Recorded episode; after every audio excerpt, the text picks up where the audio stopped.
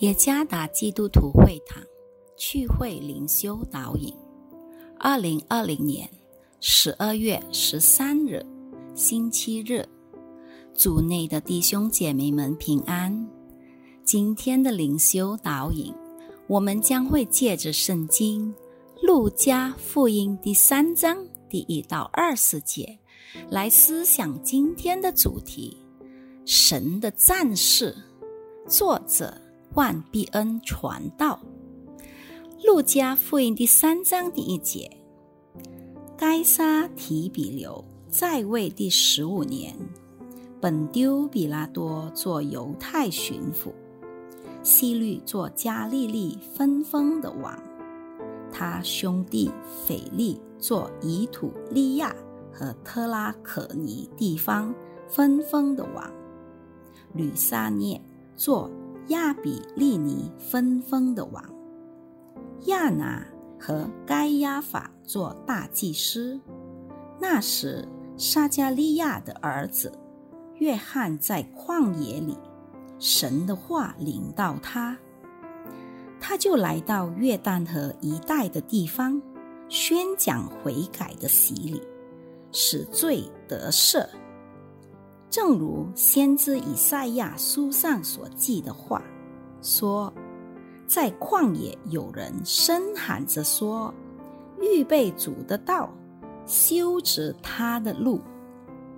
一切山洼都要填满，大小山冈都要削平，弯弯曲曲的地方要改为正直，高高低低的道路。”要改为平坦，凡有血气的，都要见神的救恩。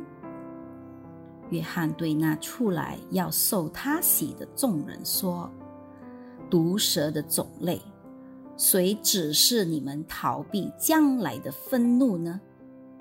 你们要结出果子来，与悔改的心相称，不要自己心里说。”有亚伯拉罕为我们的祖宗，我告诉你们，神能从这些石头中给亚伯拉罕兴起子孙来。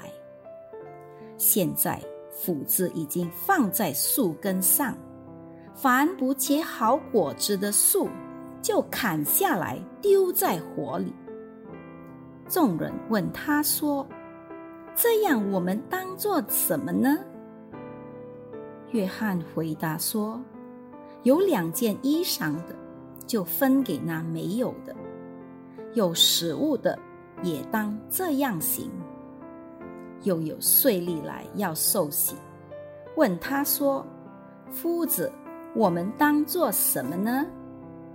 约翰说：‘除了立定的数目，不要多取。’又有兵丁问他说。”我们当做什么呢？约翰说：“不要以强暴待人，也不要讹诈人。自己有钱粮，就当知足。”百姓指着基督来的时候，人都心里猜疑，或者约翰是基督。约翰说：“我是用水给你们施洗。”但有一位能力比我更大的要来，我就是给他解鞋带也不配。他要用圣灵与火给你们施洗。他手里拿着簸箕，要扬进他的场，把麦子收到仓里，把糠用不灭的火烧尽了。约翰又用许多别的话劝百姓，向他们传福音。只是分封的王希律，因他兄弟之妻希罗底的缘故，并因他所行的一切恶事，受了约翰的责备，又另外添了一件，就是把约翰收在监里。在体育界里，汽车竞赛项目中，有一种俗语叫驾驶指示器或副驾驶员。目的就是陪同驾驶员进行操作。副驾驶员的任务是供应清晰全备的资料，与向驾驶员发出指示，好让他根据所得到的资料做出正确行动。比如，何时必须左转或右转，采用多少速度飞行，航行到相当危险的场地时，给予指示。好让驾驶员能即刻降低或加快速度。一切有关场地的实际情形与所要经过的场地，必须要有准确和快速的通知。如果不这样，不单会失败，也会遭遇极大的危险。在四喜约翰的信息里，内容很清楚。不啰嗦，不会没有定向，不会充满笑料，但是非常严厉和指向目标。世袭约翰讲到主要内容，既是呼吁世人要悔改，并应该如何，我们才能结出与悔改相称的果子。施洗约翰蛮有勇气，毫不犹豫。呼吁所有的人都要悔改，天国近了，你们应当悔改。在这里，约翰是为基督要来到以色列百姓当中，当做了开路先锋。这种全面性扫清行动的危险性很大，尤其是喜约翰当时必须面对法利赛人。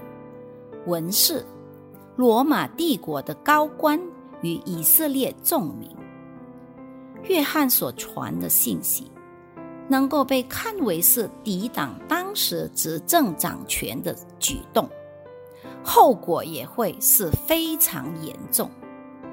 约翰当然知道这后果会威胁到他本身，但是他仍然自行任务。以致以色列人能够遇见神应许的弥赛亚。四喜约翰教导我们如何为一些未曾认识神救恩的人成为基督的先锋。我们必须成为基督的驾驶指示器，设法指出通向基督的道路。好让世人与我们一样经历基督圣诞的正事，既是在生命中实践基督真理时成为好榜样，放弃救生命的生活方式，让世人能够遇见基督真正改变我们生命的主宰。问题。我们是否在他面前已经有了美好的见证呢？基督已经降生在我们的生命中，但我们是否能够吸引世人来相信他呢？愿上帝赐福于大家。